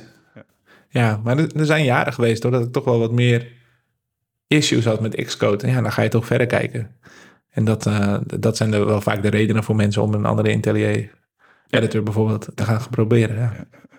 Want Zijn zijn er nou ehm, in, in je hele carrière, je hebt gewoon een heel, een heel assortiment aan apps ontwikkeld, inclusief je eigen projecten natuurlijk. Zijn er ook opdrachten die je ooit hebt afgewezen, omdat je er gewoon niet achter kon staan? Ehm, ik ben wel altijd heel solidair geweest. Dus ik heb gewoon eigenlijk altijd wel gewoon gedaan wat, wat me gevraagd werd. Ik moet ook zeggen dat ik nu... Ik, ik ben wat dat betreft ook misschien wel verwend geweest hoor. Ik heb gewoon echt wel toffe projecten mogen doen bij zowel Mirabeau als bij, eh, bij Triple. Kijk, bij WeTransfer is het natuurlijk allemaal een beetje het, het, het, hetzelfde. Het zit allemaal in hetzelfde spectrum. Ja. Kijk, ik ben wel op een gegeven moment weggegaan bij Mirabeau... omdat daar gewoon geen native projecten kwamen... En daar werd vooral ingezet op, eh, ja, dat heet het Kony. Dat is ook een hybride platform zoals Flutter en dergelijke. Ik ben, ik ben er in principe nog in meegegaan. Ik heb ook een, een, eh, een cursus gevolgd voor Kony. Maar ja, daar, daar raakte ik gewoon echt mijn passie kwijt. Ik was eigenlijk nog verder achterop aan het raken. Want Kony, hybride platform, die kan dus pas de API's die nieuw zijn gebruiken nadat ze gelanceerd zijn. Dus dat, je loopt altijd achter de feiten aan. Dan heb je de platformbugs van iOS, maar dan bovenop nog eens de bugs van het hybride platform. Ja. ja, daar werd ik gewoon echt ongelukkig. En toen ik daar bij het Mirabeau werkte, heb ik wel gewoon keurig eh, hè, mijn beste beentje voortgezet en het project zo goed mogelijk laten runnen. Maar dat ik weg was, was ik ook gezegd wel blij, omdat ik gewoon mijn passie daarin kwijtraakte. Ja, bizar. Gewoon, ja, het is wel goed wat dat betreft dat je dan gewoon kiest voor waar je wel energie van krijgt. En dat je dan toch wel besluit om weer terug te gaan eh, waar je vandaan komt eigenlijk. Ja, en dat, dat kan ik ook iedereen wel aanraden. Kijk, het was echt geen makkelijke stap hoor. Ik vertel het nu als iets zijn wat heel logisch was, maar ik had het bij Miro wel echt naar mijn zin. We hadden echt een leuke groep collega's. Je hebt echt vrienden natuurlijk. Dat heb je bij elk bedrijf. Maar tegelijkertijd wist ik ook, bij elk nieuw bedrijf ga je ook weer nieuwe vrienden vinden en ook leuke collega's. En als dat niet zo is, ja, dan ga je gewoon nog een keer verder kijken. Zo stond ik er eigenlijk een beetje in. En het belangrijkste was voor mij om mijn passie terug te vinden. Waarbij ik ook wel uh, geprobeerd heb om dat natuurlijk initieel gewoon uh, te vinden bij Mirabeau zelf. Maar dat kwam er gewoon niet, niet, niet uit destijds. En dat geeft niet. Maar het was voor mij wel genoeg reden om gewoon weer verder te kijken. Ik zit uh, te denken of we nog even ergens met Swift de diepte in kunnen. Je schrijft ook op je blog van alles over Swift. Wat is eentje waar je veel lol aan hebt beleefd, een recente blog? Ja, ik, ik, ik, schrijf heel veel inderdaad. Ja. ik heb onlangs mijn 200ste artikel gepubliceerd. En ik, ik schrijf een artikel elke week, dus dat betekent 200 weken artikelen. Dat, dat zijn er best een hoop om een favoriet uit te, te moeten kiezen. Um, nee, ik, waar ik heel erg van geniet is de wisselwerking tussen um, dingen die ik leer mm-hmm. buiten WeTransform als zijnde dingen die ik leer binnen WeTransform. Dus mijn artikelen bestaan ook uit dingen die ik leer tijdens mijn werk bij WeTransform. Maar soms komt er ook gewoon iets voorbij wat ik in een stock analyzer heb gemaakt bijvoorbeeld. En onlangs hebben we bij WeTransfer de ratings verbeterd. Mm-hmm. Het zag er best, best slecht uit dat we net gelanceerd waren. We hadden veel negatieve App Store ratings. En dat komt gewoon omdat je app lanceert nog niet compleet is. En de meeste mensen die vocaal zijn in de App Store zijn de mensen die niet tevreden zijn. Ja. Mensen die wel tevreden zijn, zullen niet zo heel snel een App Store rating plaatsen. Mm-hmm. Wat er gebeurt binnen het bedrijf, de mensen bovenop, die um, kijken in de App Store en die zien een slechte rating. En dat is eigenlijk het enige wat ze zien. En die gooien het over de schutting en ze zeggen van fix het. Daar komt het eigenlijk een beetje op neer. Ja. Nou goed, we hadden genoeg manieren om het te fixen. We waren net begonnen. Maar we hebben het wel serieus aangepakt. En ik denk dat iedereen het wel herkent dat je een app opent. En je wil eigenlijk gewoon even snel um, je saldo checken of iets. En dan krijg je opeens dan, hé, hey, wat vind je van de app? Ja, ja. En denk je, ja, hallo, ik wil gewoon even snel kijken wat er in die app staat. Waarom kom je nu met deze melding? Ja. Nou, en, en dit is dus eigenlijk een voorbeeld van de techniek wat we hebben ingebouwd. Maar dan op een goede manier. Dus we kijken in de app Um, als jij bijvoorbeeld al twee minuten bezig bent in die app, dan geef je eigenlijk een soort van aan dat je tijd hebt. Dus je bent al lang bezig in die app. Mm-hmm. Als we dan ook nog eens zien dat je drie of vier transfers verstuurd hebt, nou, dan weten we dat je ook wel een soort van happy user bent, want je hebt meerdere keren iets verstuurd. Mm-hmm. Dus ja, de kans is best aanwezig dat als wij jou nu vragen om een rating te plaatsen, dat je dat best wel wil doen, omdat je gewoon blij bent met de app. En die techniek hebben we ingebouwd. Heel veel succes mee gehad. Onze rating we hebben nog steeds heel veel slechte ratings. Ja. Maar doordat we zoveel goede ratings hebben nu, vallen die eigenlijk niet meer op. Oké. Zitten nu volgens mij op 4,6 in de App Store. Mhm. Met um, nou, best wel heel veel gebruikers. Dus dat, dat is gewoon echt wel iets om tof uh, ja, trots op te zijn. En daar heb ik een artikel over geschreven, logischerwijs. Dus um, ja, dat is wel een artikel waar ik, uh, waar ik veel goede responses op heb gehad. Waar ik ook echt wel, wel trots ben en, en achter sta. Want die, de, die tijd, uh, hoe, je, hoe, je, hoe, je, hoe heb je dat onderzocht überhaupt? Hebben jullie daar een soort van psycholoog bij betrokken geraakt? Of hebben jullie gewoon focusgroepen gehad? Of gewoon gokken? Nou, het komt eigenlijk oorspronkelijk voor mij terug uit bij Buirader. Bij Buirader hadden we eenzelfde oplossing gemaakt. Want daar is het helemaal mensen die willen even snel zien of het regent of niet. Dus daar hebben we dezelfde technieken toegepast en heel veel successen gehaald. Bij de WeTransfer app hebben we eigenlijk wel een soort van gok gedaan. Maar we weten inmiddels ook wel vanuit data een beetje te bepalen wat power users zijn. Dus als je bijvoorbeeld ziet dat on average een gebruiker twee transfers maakt, ja, dan kan je al stellen dat drie transfers uniek is of een soort van power user aan het worden is. Ja. En op die manier kan je wel een soort van slimme keuzes maken. Ja, en je gaat ook logisch nadenken. Dus je doet het niet on launch. Je doet het niet als iemand net een transfer aan het maken is, dan ga je hem niet storen daarin. Weet je, je doet het eigenlijk nadat een transfer klaar is. Dus eigenlijk op een, op een stil moment dat de gebruiker klaar is met wat hij initieel wilde doen. En, Dus dan heeft hij een soort van zijn doel bereikt. Dat kan hij achter zich laten. En als hij dan potentieel ook nog tijd over heeft, dan kan dat best een mooi moment zijn om zo'n rating te vragen. Ja. En het gaat vaak ook gewoon dat het niet gebeurt. Hè? Maar ja, de mensen die het wel doen, dat zijn toch weer een paar bij. En eh, dat zorgt er weer voor dat je app er beter op staat in de App Store. Meer gevonden wordt en meer geïnstalleerd. Heb je enig idee hoeveel mensen dat scherm krijgen en ook daadwerkelijk wat inv- invullen?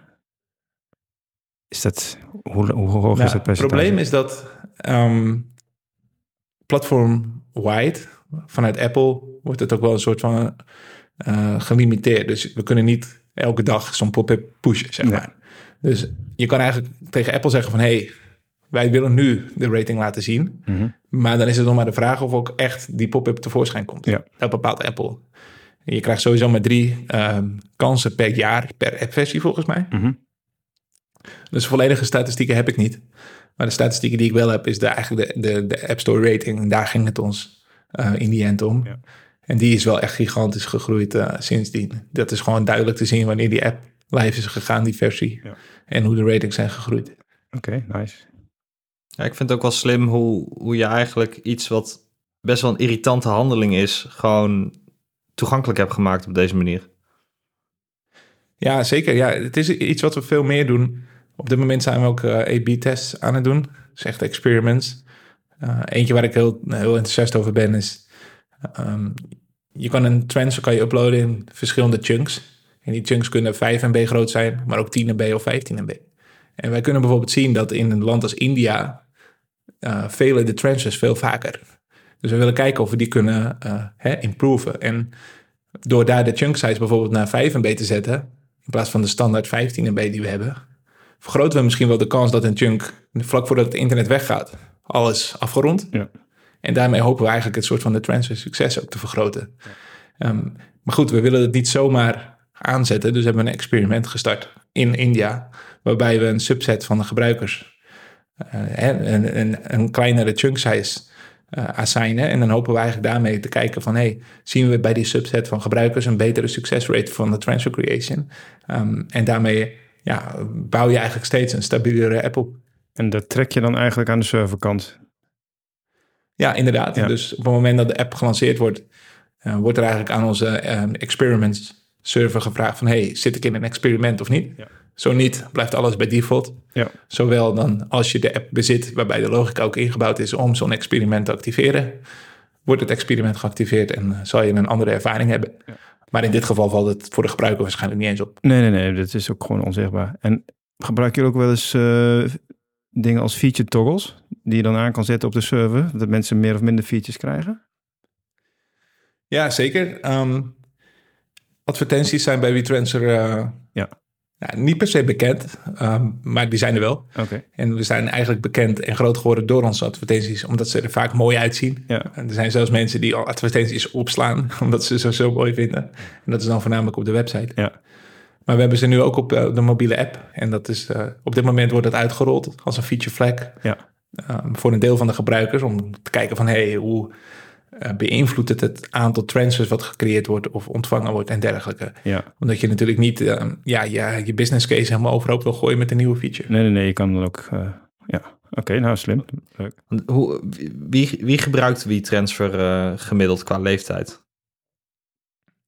Ja, we hebben wel vele leeftijden, omdat we gewoon heel veel gebruikers hebben. Ja. Maar ehm, de, de core business zijn wel creatives, freelancers, fotografen, ehm film-editors, dat, soort, ehm, dat soort gebruikers. En ja, die range van, ja, ik denk toch wel twee- 25 jaar tot, tot, tot 40, 45 misschien. Maar goed, dit is, mijn, dit is op basis van mijn ervaring van het werken bij WeTransfer. Ik heb niet echt de harde data ervan, maar het klinkt wel een soort van logisch als, als subset van gebruikers, omdat dit mensen zijn die opgegroeid zijn met de techniek ehm, jong zijn en, en weten hoe het werkt, bewijs van. Ehm, maar tegelijkertijd hebben we ook heel veel gebruikers die gewoon ja, boven de 50, boven de 60 zitten en dergelijke. ja, ik kan me ook wel voorstellen dat je niet zomaar de hele demografie op tafel kan leggen natuurlijk. Maar ja, Nee. WeTransfer is gewoon zo'n concept wat, ja, dat, dat, dat wordt eigenlijk vanaf de middelbare school al geïntroduceerd eh, bij het delen van eh, grote hoeveelheden data. Ja, je groeit ermee op, denk ik. En eh, Ik denk tegenwoordig wel, ja. ja, absoluut. Dus ja, heel veel mensen kunnen ook niet meer, niet meer zonder. Ehm, even goed, eh, kijk, natuurlijk kan je straks met je mail kan je veel grotere bestanden versturen. Maar ja, dan ga je wel met je persoonlijke e-mail bestanden versturen. Terwijl je het misschien juist wel gewoon via een service als WeTransfer wil doen. Ehm, dus ja, het is, eh, het is zeker wel bekend bij heel veel mensen. Ja, ik zat net aan die advertenties te denken, maar volgens mij komt dat ook. eh, moet ik even diep in mijn geheugen graven. Dat was toch eerst minder duidelijk een onderdeel van WeTransfer. Is dat er niet bij ingekomen doordat er iets is gemerged of zo? Ik weet het Nee, niet. nee, het is ehm, de, de oorsprong van, van, van WeTransfer, waardoor de advertenties zijn ontstaan. Dat komt eigenlijk voort uit, eh, uit, uit een van de founders, Nalden, die had zijn eigen blog. Ja, En op zijn blog had hij op de achtergrond fullscreen advertenties. Ja. En het, het verhaal doet rond dat er eh, in Amsterdam eh, magazine ontwikkelaars waren. Die reden met een cd'tje op de fiets van, van het designbureau naar de magazine ontwikkelaars. Of naar de printer. En nou goed, dat is natuurlijk time consuming om met de fiets van A naar B te gaan. ja. Dus eh, bedachten ze van, hé, hey, waarom maken we geen file transfer service? Mhm. En eh, Nalden die had dus het idee ook om meteen die advertenties eh, erbij te doen. Dus die, die zijn er toch echt wel van, van, van dag één bij geweest. Oké, oké. Ja, dan, nou, dan ga ik nog even dieper graven hoe, dat nou, hoe het in mijn hoofd zit. Nou, dat maakt verder niet uit. Dat is ook denk ik niet belangrijk voor de, de verloop van dit gesprek. Is er een Swift feature, Swift iets wat echt ontbreekt, die, waarvan je zegt die wil ik nu hebben? Of die eraan staat te komen, waarvan je weet dat die komt? Nou, kijk, al had je me dit twee jaar geleden gevraagd, toen waren er nog zoveel grote dingen in te bouwen. Ja, Zoals async await, hè? dus echt het eh, managen van eh, asynchrone requests en dergelijke. Maar op dit moment is de enige grote request die ik nog heb, is, is Xcode verbeteren. ja. Ehm, maar ook core data. Core data is eigenlijk MySQL van, van Swift. Is gewoon heel oud. Ehm, ik, ik, heb ooit een keer de code mogen bekijken met een eh, ontwikkelaar van het Core Data Framework Ja. tijdens WWDC. Ja. En dan, eh, dan kan je zo'n grote zaal ingaan waar alle Apple engineers zitten. En dan kan je direct vragen stellen met een probleem waar je maar niet uitkomt. Mhm. Nou, die code zag er echt... eh, nou, het was duidelijk te zien zeg maar, dat het een oud framework is. Ja. Laten we het daarbij houden. ja, ja. Ja, je gaat het natuurlijk niet zomaar omschrijven, want het zijn hele gevoelige frameworks. Eh, heel veel apps gebruiken core data om Zeker. lokaal data op te slaan. Ja.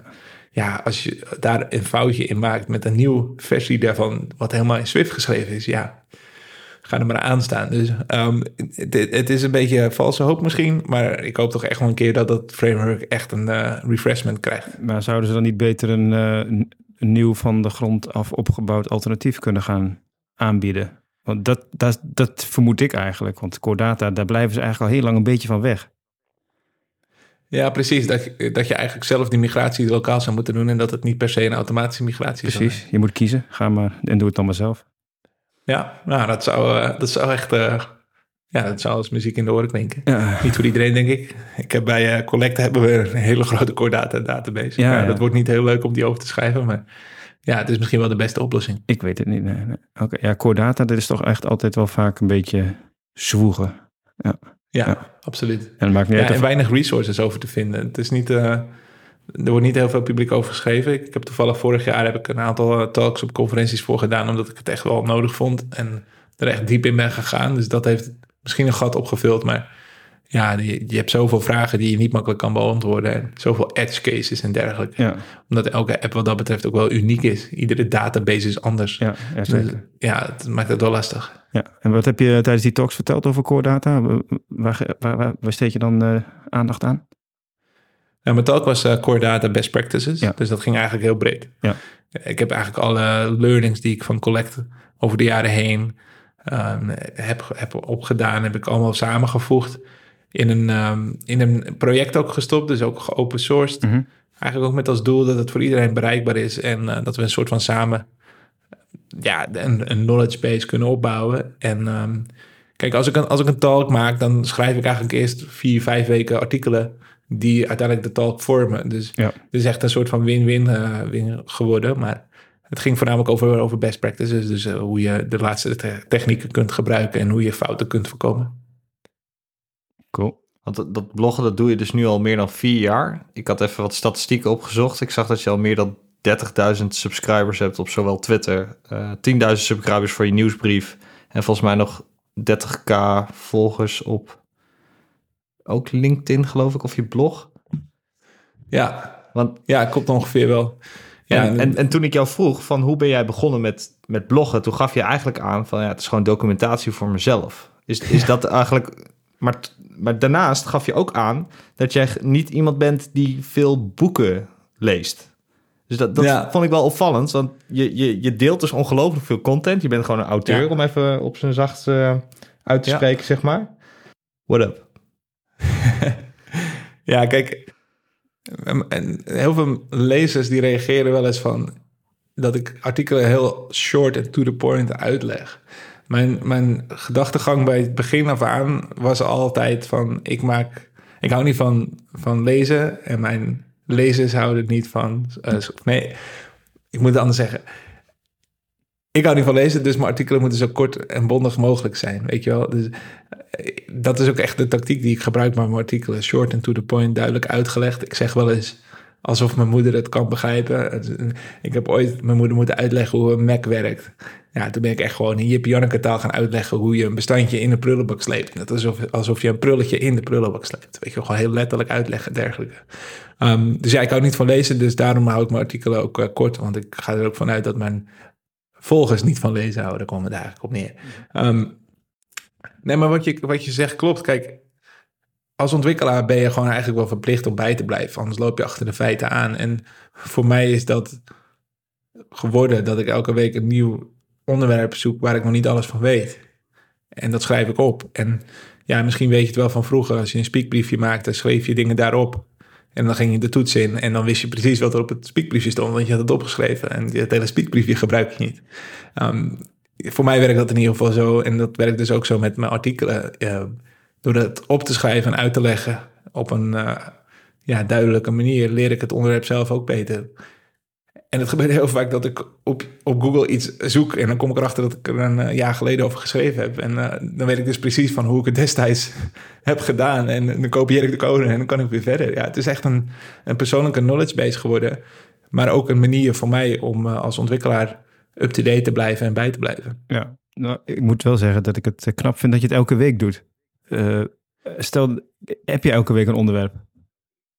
Ja, ik heb, ik heb een hele lange lijst op Trello Ja. met allemaal onderwerpen. En eh, die bezoek ik eigenlijk alleen als ik op dat moment geen onderwerp heb. Ja. Zoals vandaag heb ik Shared With You ingebouwd in Stock Analyzer. Ehm, ja, je kan erop wachten dat ik dinsdag daarover ga schrijven, omdat het top of mind is. Ja. Maar het kan ook zijn dat ik misschien net iets op WeTransfer eh, heb geleerd. Ja. En dat ik daar dan over ga schrijven. En hoe, eh, hoeveel tijd kost het je ongeveer op zo, het schrijven van zo'n blog? Nou ja, kijk, je, je, je maakt een goed punt hoor. Het is zeker niet makkelijk om elke week te schrijven, maar het is ook iets. Je wilt niet stoppen. Het is Nee. een soort streak. Net zoals op je Apple Watch, dat je je conditieringen constant vol wil houden. Ja. Ehm, voor mij is dat ook met schrijven. Kijk, als ik nu twee, drie weken niet ga schrijven, dan wordt het heel moeilijk om het weer op te pakken waarschijnlijk. Ja. Maar het betekent ook, hoe vaker je schrijft, hoe beter je erin wordt. Mijn eerste artikel was misschien, kostte me misschien al vier, vijf uur. En nu ben ik soms in een uurtje al klaar, omdat ik zo snel schrijf. Ik ben er veel beter in geworden. Ja. Maar ik schrijf ook voor mezelf, dat zeg ik. Ja. Om een reden. Ehm, als ik denk dat het goed genoeg is, dan gooi ik het gewoon online. En eh, ja, je hebt het mee te doen. En kijk, heel eerlijk. Het eerste jaar dat ik schreef betekende dat wel een lagere kwaliteit dan nu, omdat ik meer ervaren ben. Dus ja, mijn eerste versie is vaak al veel beter dan iemand die net begint met schrijven. Maar ja, het zorgt er wel voor dat ik niet morgen weer terugkom bij een artikel. En in plaats van het afschrijf, ga ik het weer helemaal herschrijven, omdat ik denk dat het beter kan. Ja. Waardoor je uiteindelijk een artikel helemaal niet published. Dat hoor ik toch best wel vaak van beginnende bloggers. Ja. Ehm, en ja, ik, ik, heb ook geen angst dat iemand gaat zeggen dat ik het niet goed doe. Of weet je, ik heb in die vier, vijf jaar tijd nooit negatieve feedback gehad. Ik heb altijd wel feedback gehad van hey, ehm, je schrijft hier dit en dit. Misschien moet je het zo schrijven, want dan klopt het beter. Nou, top, heb ik weer wat geleerd. Pas ik mijn artikel aan, is hij weer beter. Ja. Er is eigenlijk geen reden om, eh om falings te hebben. Nee. En ja, dat, dat zorgt er allemaal wel voor dat ik vrij snel klaar ben met een artikel en het ook vol kan houden. En is dit ook eh, een practice die je aan zou raden aan andere developers? Beginnend dan wel niet beginnend? Op een Nou ja, andere kijk, manier. Je moet, je moet toch bijblijven. Ja. En voor iedereen werkt dat anders. Hè? Sommigen kijken een video. ehm, maar goed, ik weet niet hoe het voor jullie is. Maar als ik een video kijk, dan vergeet ik het ook wel weer heel snel. En als ik een artikel schrijf, moet het toch een beetje het zon zijn. Ik moet echt wel een beetje weten. Ik moet het tenslotte uitleggen aan anderen. Mhm. je leert het onderwerp veel, veel beter. Dus ja, ik zou, ik zou het zeker aanraden. En, en begin een blog dan niet met het doel van ik wil 30.000 volgers op Twitter krijgen. Nee, begin gewoon een blog om voor jezelf je learnings bij te houden. Ja. Zodat je over een week weer terug kan komen van... hey, hoe deed ik dat ook weer in kort data? Ja. En, en ja, het voordeel is dan dat mensen je kunnen gaan volgen. Mhm. En dat je misschien uiteindelijk sponsors op je blog kan vragen. Ja. Of dat je uiteindelijk zelf heel makkelijk eh, dingen terug kunt vinden. Ja, zo zou ik het wel willen aanraden, zeker. Want heb je die blogsite zelf gebouwd? Want, of gebruik je daar een soort van CMS voor? Want ik zag dat die best wel lijkt op Swift by Sundell. Maar ik weet niet of het gewoon stom toeval is of... Ja, hij lijkt op heel veel Swift-blogs. En dat komt omdat oranje de kleur van Swift is. Um, dus dan gaat het al heel snel. Um, nee, kijk, wat, wat er nog een valkuil is voor veel mensen die een blog starten... is dat ze met een fancy static site generator aan de slag gaan. Vervolgens twee dagen bezig zijn om een blog online te zetten. Een beetje mooi design willen, maar nog niet tevreden zijn. En puntje bij paaltje ben je vier maanden verder... heb je nog geen artikel geschreven. Dus mijn echte doel daarmee was eigenlijk... ik wil wegblijven van zelf websites uh, schrijven. Dus ik ben gewoon met WordPress gestart. En um, dat had wel nadelen hoor, want de static site is veel sneller natuurlijk. Ja. Maar door de jaren heen heb ik ook wel dingen geleerd en doe ik het steeds weer, pas ik het een beetje aan. En heb ik ook heus wel wat code geschreven in PHP om mijn website beter te maken. Maar nu met Cloudflare wordt, wordt het static gesurfd en dan zie je echt mega snel. En ja, search engine optimization zit ook dik, dik in orde daardoor. Ja. Ik installeer een plugin op WordPress en het werkt. Ja. Ik hoef er niet zelf allemaal dingen te doen. Ik hoef niet zelf uit te zoeken hoe, hoe uh, SEO werkt. Weet je, dat, daar profiteer ik eigenlijk gewoon van de kennis van andere mensen. En ja, het gaat mij om het bloggen. Het gaat mij om, om, om kennis te delen. En het gaat mij niet om het te leren van een blog te bouwen, zeg maar. Dus um, ja, ik heb wel heel bewust voor, uh, voor WordPress gekozen. Ja, dus eigenlijk samenvattend aan uh, developers die overwegen om te gaan bloggen. Uh, pak gewoon iets zo snel mogelijk op en ga gewoon schrijven in plaats van uh, nadenken over hoe je website eruit moet zien. Ja, eigenlijk wel. Ja, en het voordeel van WordPress, ik geloof dat 30, 35 procent van alle websites op WordPress draait.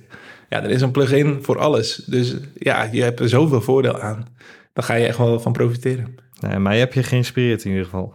Dus ik uh, ga ook maar eens wat bouwen uh, dit weekend. In WordPress dan. Of iets anders.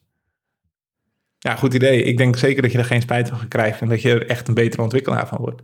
En uh, ja, dat heeft weer vele andere voordelen. Dus ja, ik zou het zeker doen. Ja, ik schrijf nu voornamelijk voor mezelf dan. Dan doe ik dat in Notion en dan uh, heb ik een, uh, een hele ja, mindmap gemaakt met allerlei onderwerpen die ik moet gaan leren. Want het, het is gewoon een gigantisch groot ecosysteem die je ja, eigen moet gaan maken. En om dat overzichtelijk te houden, probeer ik het gewoon onderwerp voor onderwerp aan te vliegen. En zelfs daar ja, verwatert er eh, weer wat en dan pak je het even later weer op en dan probeer je het weer opnieuw. Ja, nou, ik zou zeggen, schrijf je learnings op in een artikel en je zal zien, um, ja, je, je, zal natuurlijk wel iets opschrijven wat misschien door iemand anders ook al geschreven is, maar het is wel jouw perspectief. Het zijn wel jouw learnings waar je in ieder geval zelf naar terug kan komen. En ik durf te wedden dat er zeker één iemand anders is die jouw artikel gaat vinden en die weet te vinden wat hij nodig had. En ja, dat zou toch eigenlijk al genoeg reden moeten zijn om het te doen. Ja, dat klinkt gewoon hartstikke waardevol voor iedereen eigenlijk. Absoluut. Ja, dan zijn we min of meer bij tips voor uh, juniors aangekomen. Dat was volgens mij, Wouter, ook echt een onderwerp wat je even uh, na wilde vragen, toch?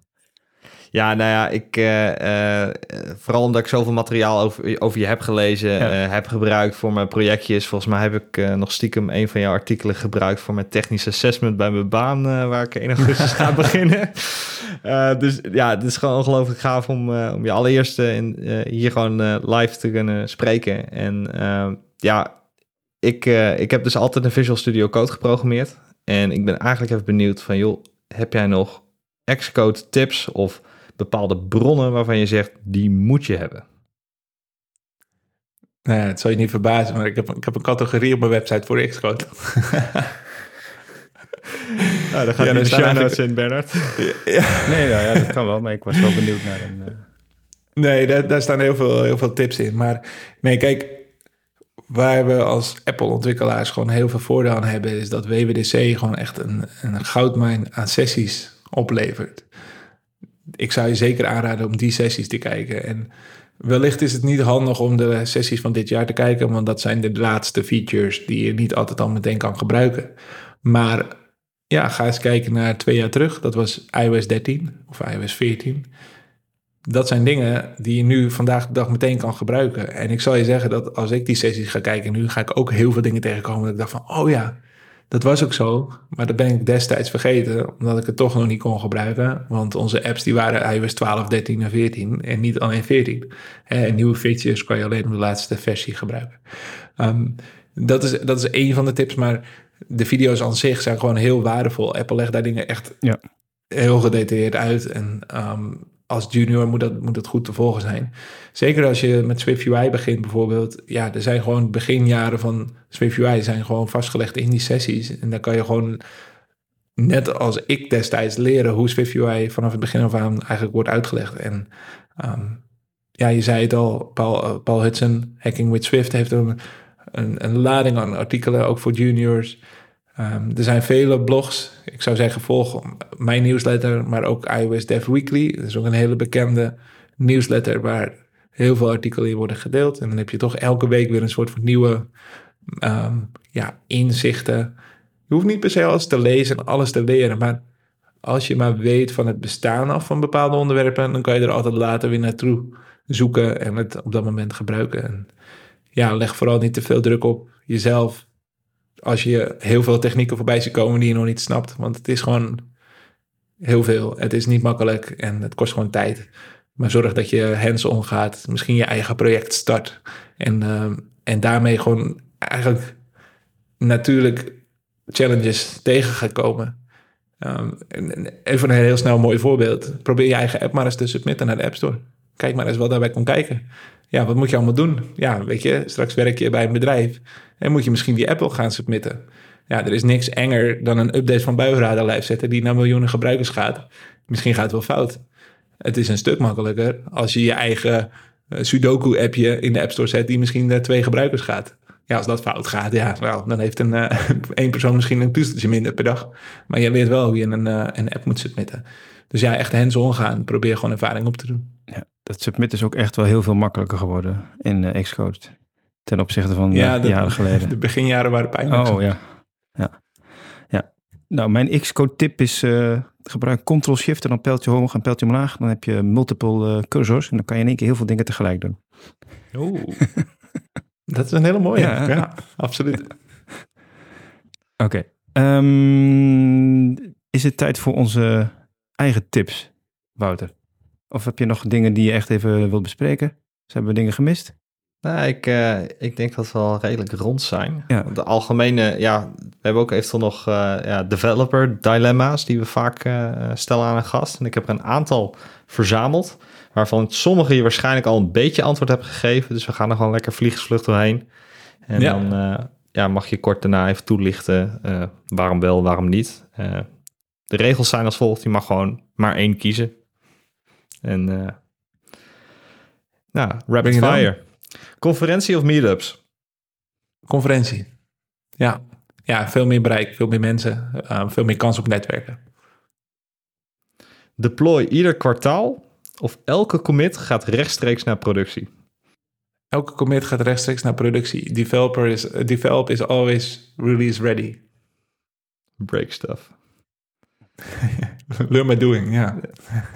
Ja, deze heb je eigenlijk een beetje beantwoord, denk ik. Remote of kantoor?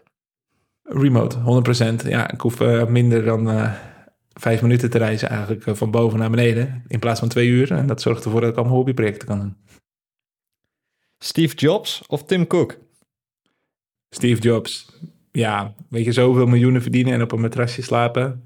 En gewoon weten waar we naartoe moeten met de wereld. Wat betreft telefoons. Ja, Ja, op gebied van, eh, van iOS development heeft hij niet zo'n hele grote rol gespeeld, toch? nee, maar ik zie het alleen maar zo dat ik zou nu niet in deze podcast zitten was Steve Jobs er niet geweest. Ja, misschien hadden we het dan over PHP-websites gehad. Je weet het niet. Ja, ja, ja. Windows, Phones misschien wel. Windows Phones, ja. Dat was Windows Phones eigenlijk gewoon groot geworden. Ja. Ehm, realistisch programmeren in films of nooit meer gevraagd worden om iemands printer te fixen? Poeh. Realistisch filmen. ja, die eerste. GitLab of GitHub? GitHub. Want? publiek veel verder in de ontwikkeling in mijn zin, denk ik. Moet ook zeggen dat het een stuk makkelijker wordt gemaakt om GitHub te gebruiken. Ja, ik ben gewoon, ik ben gewoon een groot gebruiker van GitHub. Ik denk dat het daar voornamelijk uitkomt. Ja. Ja, ik dacht Nederlandse origine, maar nee hoor, dat telt allemaal niet hier. Sorry, sorry. Nee, tof product door GitLab. Love you. Oké, nou dan, dan zijn we door de dilemma's heen. Eh, ik, eh, ik heb een paar tips voor, eh, voor deze week heb meegenomen. Ik heb afgelopen vakantie heb ik een boek cadeau gekregen. A Philosophy of Software Design door John Oosterhout. Het is gewoon een redelijk dun boekje, 190 pagina's. is misschien nog wel een keer te doen op vakantie, Antoine. En ja, daarin gaat hij eigenlijk gewoon heel hands-on in op, op, op discussies over bepaalde softwareparadigma's en design. Maar het is dusdanig laagdrempelig geschreven dat je er ook echt wel wat mee kan. Uh, een voorbeeld kan zijn is dat uh, uh, define your errors out of existence. Dus de manier van hoe je met fouten omgaat, bijvoorbeeld. Ik vond het wel heel erg inspirerend, vooral omdat ik nog ga beginnen. Het, ik denk ook wel echt dat het een boekje is waar je misschien nog vaker in terug gaat bladeren. Uh, een tweede tip is uh, een film die ik laatst heb gezien.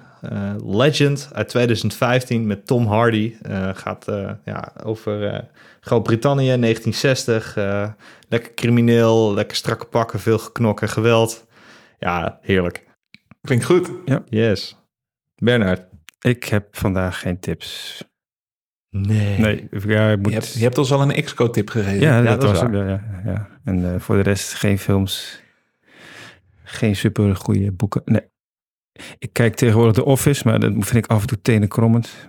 Zoals die eh, Michael Scott zich gedraagt. Maar dat is denk ik ook de charme met tegelijkertijd. Dus dat ga ik gewoon eh, niet tippen bij deze. Ja, ik kijk op Prime wel The Man in the High Castle. We hebben nazi's hebben dan de oorlog gewonnen. Oh ja, dat, is, eh, dat boek heb ik gelezen. Van eh, Philip K. Dick, toch? Ja, misschien als dat een goed boek is, dan wordt dat jouw tip. Dat was een goed boek, maar ik vond eh, het boek waar Blade Runner op gebaseerd is beter. Dat is van dezelfde schrijver, volgens mij. Ja, fair Dus, enough. Het is leuk als je Videoland ontwikkelt. Dan kan je heel veel series kan je afschrijven, omdat je dan de videoplayer aan het testen bent en allemaal spoilers ziet en zo. ja, ja, eh, ja. ja. Ik eh, werk ook aan een app waarin eh, je je filmcollectie kan bijhouden. En eh, ja, je gebruikt altijd toch je eigen testfilms om te kijken hoe makkelijk die erin komen. En we hebben ook een collega die typt altijd Red in om te zoeken. Dus we komen heel veel filmtitels tegen met Red. En dan die zie je dan telkens tevoorschijn komen in alle screenshots en eh testreports. Ja. Ja, classic. Ja. Ja. vergeet niet je staging en development data uit je echte data te filteren. Ja, dit is allemaal user data zelf. Ja. ja, maar je hebt helemaal gelijk. Ja, want dat, dat zou zo fataal zijn. Ik ben ook altijd zo bang. Dan, dan gebruik je in je codebase even een staging URL. Dat je die dan door een of ander foutje mee commit en dat het in productie meegaat of zo eh, in je app. Dat zou toch echt eh, Ja, heel na zijn. ja, grootste nachtmerrie van elke appontwikkelaar. En eh, ik heb het zeker zien gebeuren, ja. Ik heb wel eens in de tijden dat je zeven dagen moest wachten op een app-update goedkeuring... Ja, ik weet het ook. wel. heb ik een app-update van Buienradar live gezet. Ja. En dit weten ze overigens hoor. Ja, oké, Ja. gelukkig. Maar dat de advertenties niet werkten. En advertenties waren de bron van inkomsten voor Buienradar. En dat betekende dus dat een week geen inkomsten waren voor de En wanneer had je het door? Ja, best pijnlijk. Je had het na die zeven dagen door, of niet tussentijds? Nee, ja, eh, op het moment dat de app live stond, kwamen we erachter dat de app-inkomsten opeens een beetje omlaag gingen. En, Oh eh, man. ja, goed, dat is ook nog iets waarom je bij een productbedrijf misschien beter terechtkomt. We schreven geen test Nee. destijds. En eh, nee, daar ben ik pijnlijk achter gekomen wat het eh, resultaat daarvan kan zijn. Ja. Nou ja, dit dus, ja. ja. Goed, Antoine. tips. Oh, sorry. Heb jij nog tips, Anton? Oh, eh,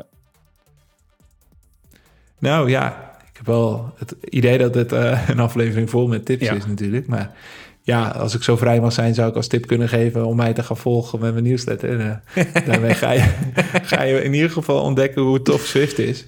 Maar ja, weet je, volg in ieder geval vooral ehm, ja, wat je leuk vindt. En ga niet stil blijven zitten waar, bij een, een bedrijf waar je wellicht niet helemaal doet wat je passie is. En durf die stap te maken om eh, je eigen passie achterna te gaan. een hele mooie tip. Dankjewel. Ja, zeker. Nou, ik, eh, zal ik de opname even stopzetten? Ja, je mag misschien nog even afsluiten. Hoe sluiten we af? Dit was het weer. Zoiets. Wat? Dit was het weer. Nee, eh, we, moeten nog, we moeten nog mensen bedanken. Ja, Wouter. Eh, en natuurlijk Antoine. En voor de rest niet, hè. Maar dat... eh, Ja, super bedankt voor je tijd, eh, Antoine. En ook eh, je flexibiliteit, want het is best wel kort, eh, kort dag afgesproken allemaal. Dus eh, daarvoor hartelijk dank. Eh, ik zou het ook echt tof vinden als we contact houden.